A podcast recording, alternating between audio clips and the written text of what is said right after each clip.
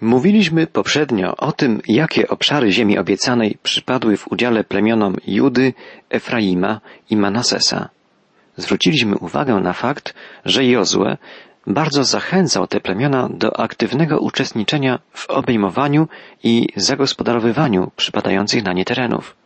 Podkreślaliśmy, że w odniesieniu do naszego życia wiary znajdujemy tutaj alegoryczną wskazówkę, że i my mamy być aktywni i wytrwali w procesie osiągania duchowej dojrzałości. Naszym zadaniem jest posiąść wszelkie duchowe skarby przygotowane dla nas przez Boga, tak, żebyśmy mogli w pełni z nich korzystać i w pełni cieszyć się nimi. Na początku osiemnastego rozdziału Księgi Jozłego czytamy o zakończeniu pierwszego etapu podziału ziemi obiecanej. Z pierwszego wiersza dowiadujemy się, że cała społeczność Izraelitów zgromadziła się w Shilo i wzniesiono tam namiot spotkania. Izraelici wznieśli w Shilo namiot spotkania. Shilo znajdowało się na obszarze należącym do plemienia Efraima. Shilo nie było miejscem, w którym miałaby znajdować się na stałe świątynia izraelska. Bóg wybrał inne miejsce, położone w głębi kraju, w którym w przyszłości stanie świątynia. Będzie to Jerozolima. Jednak namiot spotkania, pierwsza przenośna świątynia Pana, będzie stała w Shilo przez dość długi czas, przez cały okres sprawowania władzy w Izraelu przez sędziów. Potwierdzenie tego faktu znajdziemy wkrótce, gdy będziemy studiować Księgę Sędziów. W Shilo dokonał się drugi etap podziału ziemi obiecanej. Dotąd swój dział otrzymało pięć plemion izraelskich. Pozostało ich do podziału jeszcze siedem. W drugim i trzecim wierszu osiemnastego rozdziału Księgi Jozłego czytamy Pozostało jeszcze wśród Izraelitów siedem pokoleń, które nie otrzymały swego dziedzictwa. Rzekł więc Jozue do tych Izraelitów Jak długo będziecie zwlekać z objęciem w posiadanie kraju, który dał wam Pan, Bóg waszych ojców? Widzimy, że Jozue ma za złe plemionom Izraela to, że zachowują się biernie. Dlaczego stoicie z rękami w kieszeniach? Pyta Jozue. Przyglądacie się i pytacie tylko, co z tą naszą ziemią? Kiedy nam ją dasz? Przecież wiecie, jakie tereny przypadły wam w udziale. Bóg dał wam tę ziemię na własność. Idźcie i weźcie je w posiadanie. Jak długo jeszcze macie zamiar czekać? Bóg zwraca się do nas z podobnym pytaniem. Jak długo będziecie zwlekać z przyjęciem całego duchowego bogactwa danego wam w Jezusie Chrystusie? Tak, wszystkie błogosławieństwa nieba są dla nas dostępne, odkąd uwierzyliśmy Jezusowi i powierzyliśmy się Mu jako Panu i Zbawicielowi. Jak bardzo powinniśmy być wdzięczni naszemu niebiańskiemu Ojcu za Jego miłość, za Jego szczodrość. Dlaczego nie wyruszamy, żeby posiąść ziemię, którą On nam daje? Po ostrej reprymendzie Jozuego plemiona izraelskie wyruszyły, żeby wziąć w posiadanie ziemie, które przypadły im w udziale. W osiemnastym i dziewiętnastym rozdziale Księgi Jozłego czytamy, jak kolejne plemiona zajmowały obszary, które przypadły im w udziale poprzez losowanie. Pamiętamy, że wcześniej otrzymały już swoje dziedzictwo plemiona Rubena i Gada po wschodniej stronie Jordanu i pokolenie Manasesa, które rozdzieliło się na dwie części. Połowa plemienia Manasesa otrzymała ziemię po wschodniej, a druga połowa po zachodniej stronie Jordanu. Poza tym, o czym mówiliśmy poprzednio, przydzielono już ziemię pokoleniu Judy i Efraima. A więc w sumie pięć plemion Rubena, Gada, Manasesa, Efraima i Judy miało już swoje dziedzictwo. Pozostało jeszcze siedem plemion do podziału. Spójrzmy, w jaki sposób dokonano owego podziału. Jozue był tutaj inicjatorem. Powiedział przedstawicielom owych siedmiu plemion, wybierzcie po trzech mężów z każdego pokolenia. Chcę ich wysłać, aby przeszli przez kraj i opisali go, mając na względzie przydzielenie im dziedzictwa, po czym powrócą do mnie. Podzielą oni kraj na siedem części. Juda pozostanie na swoim dziale na południu, a dom Józefa na swoim dziale północnym. Wy zaś podzielicie kraj na siedem części i opiszecie go, a następnie przyniesiecie do mnie, aby mógł rzucić dla was los wobec Pana, Boga naszego. Dalej Jozue rozkazuje, wyruszcie natychmiast. I czytamy, ludzie ci przygotowali się do odejścia. Przed wyruszeniem w drogę, by opisać kraj, Jozue dał im rozkaz następujący. Idźcie, przejdźcie przez kraj, a opisawszy go, wróćcie do mnie, a wtedy rzucę dla was los przed obliczem Pana w Shilo. Poszli więc ci ludzie, chodzili po kraju i spisali miasta według siedmiu działów w księdze, którą przynieśli Jozuemu do obozu w Shilo. A Jozue rzucił dla nich los w Shilo przed obliczem Pana. I tam właśnie podzielił Jozue kraj między Izraelitów, stosownie do podziału dokonanego przez nich. Jako pierwsze otrzymało swoją ziemię plemię Beniamina. Czytamy o tym od jedenastego wiersza. I padł los na pokolenie Beniamina według ich rodów. Okazało się, że dział ich wypadł między działem potomków Judy i potomków Józefa. Dalej opisana jest dokładnie granica działu Beniamina. Granica ich od strony północnej rozpoczynała się od Jordanu. Wznosiła się na północne zbocze Jericha, potem granica szła przez góry ku zachodowi i kończyła się na pustyni Bet-Awen. Stąd biegła granica do Luz, na południe przełęczy górskiej Luz, czyli Betel. Dalej opisana jest granica od południa, wschodu, zachodu. Czytamy na koniec Granica biegła dalej ku krawędzi górskiej Bethogla od północy i kończyła się u Zatoki Północnej Morza Słonego, przy południowym krańcu Jordanu. Taka była granica południowa. Jordan zaś był granicą od strony wschodniej.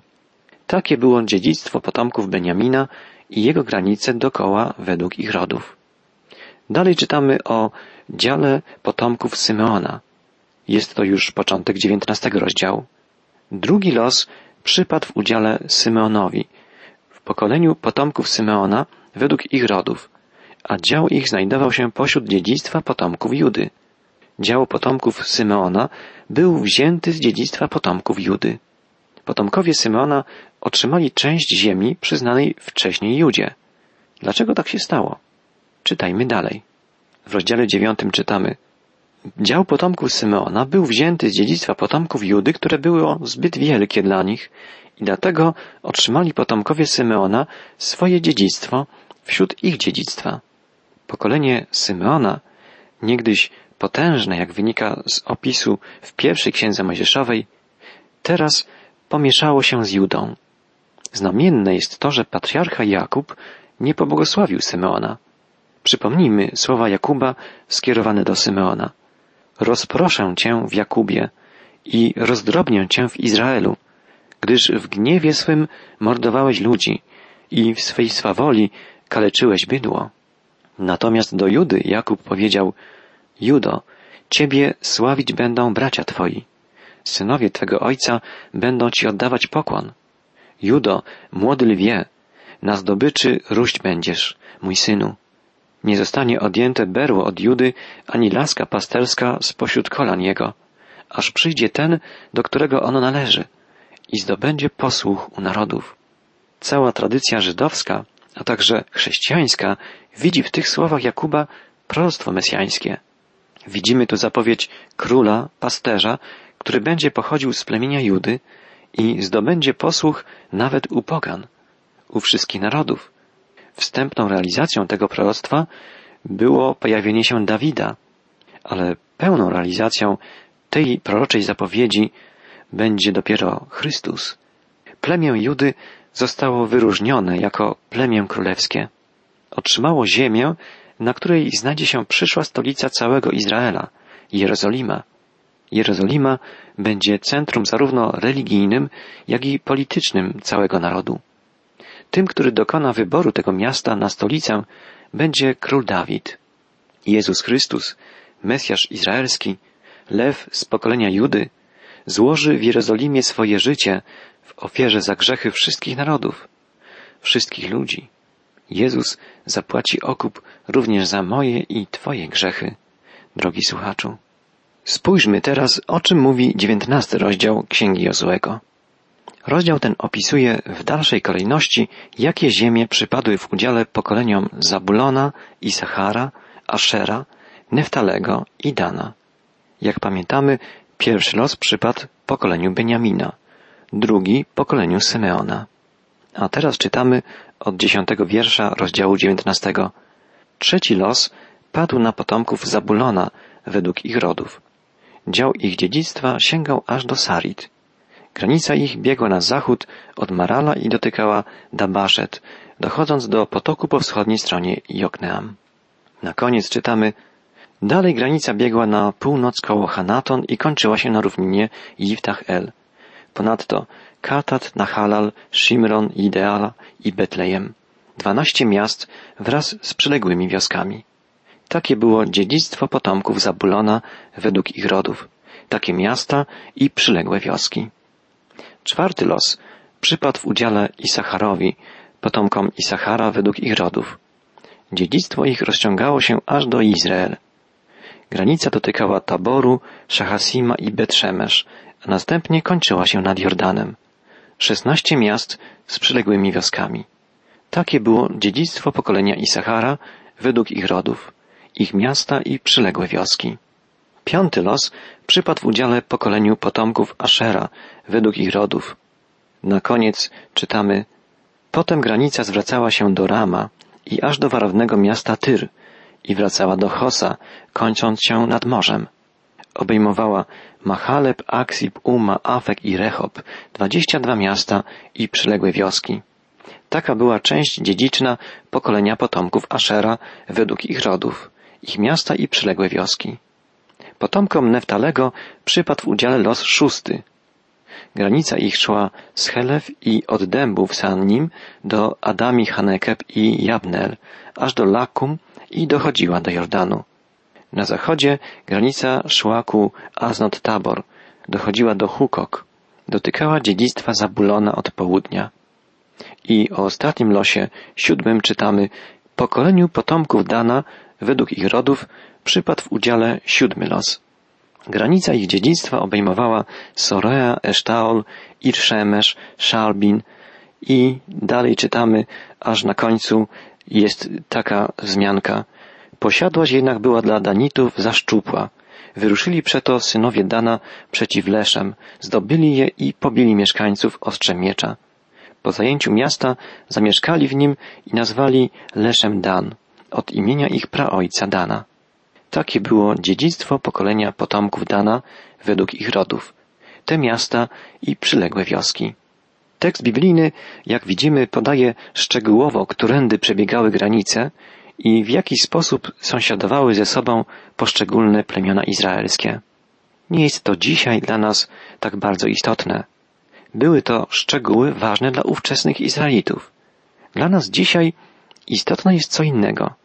Widzimy, jak bardzo ważne jest dla Boga wszystko, co dotyczy życia Jego ludu. Bóg dał Izraelowi w posiadanie ziemię, i teraz los tych ludzi będzie związany z losem tej ziemi, na której przyjdzie im żyć. Izraelici będą musieli uprawiać tę ziemię, będą musieli jej bronić przed najeźdźcami, będą tu budować swoje domy, stawiać zagrody, tu będą rodzić się ich dzieci, tu będą pomnażać się ich trzody. Ten fragment biblijny, podający tak wiele, wydawałoby się, zbędnych szczegółów, zawiera jednak jakże ważną dla nas lekcję duchową. Bóg troszczy się o nas. Zna dobrze wszystkie aspekty naszego codziennego życia i żaden drobiazg, żaden szczegół nie jest dla Niego zbyt mały, nieważny czy obojętny. Przypomina mi się wypowiedź jednego z doświadczonych duszpasterzy. Rozmawiał on z pewną kobietą, która zapytała go, czy nie robię źle, kiedy wspominam Bogu w modlitwie o rzeczach małych, drobnych, o szczegółach, drobiazgach. Wtedy duszpasterz ten zapytał, a jak pani sądzi, które z naszych spraw są dla Boga wielkie? Tak, z Bożej perspektywy, z punktu widzenia Stwórcy i Pana Wszechświata, wszystkie nasze sprawy są małe jak ziarenko piasku, ale możemy być pewni, i o tym przekonuje nas Słowo Boże, że Bóg troszczy się o każdy szczegół dotyczący naszego życia i nas samych. Właśnie w tym przejawia się w sposób najbardziej dla nas odczuwalny Boża miłość, także Boża wszechmoc i wszechobecność. W końcowych wierszach dziewiętnastego rozdziału Księgi Jozuego znajdujemy bardzo ciekawe słowa. Czytamy od wiersza 49. Gdy dokonano podziału kraju według jego rozciągłości, Izraelici ofiarowali dziedzictwo wśród siebie Jozuemu, synowi Nuna. Na rozkaz Pana dali mu miasto, którego zażądał dla siebie, Timnat Serach, w górach Efraima. Odbudował to miasto i osiadł w nim.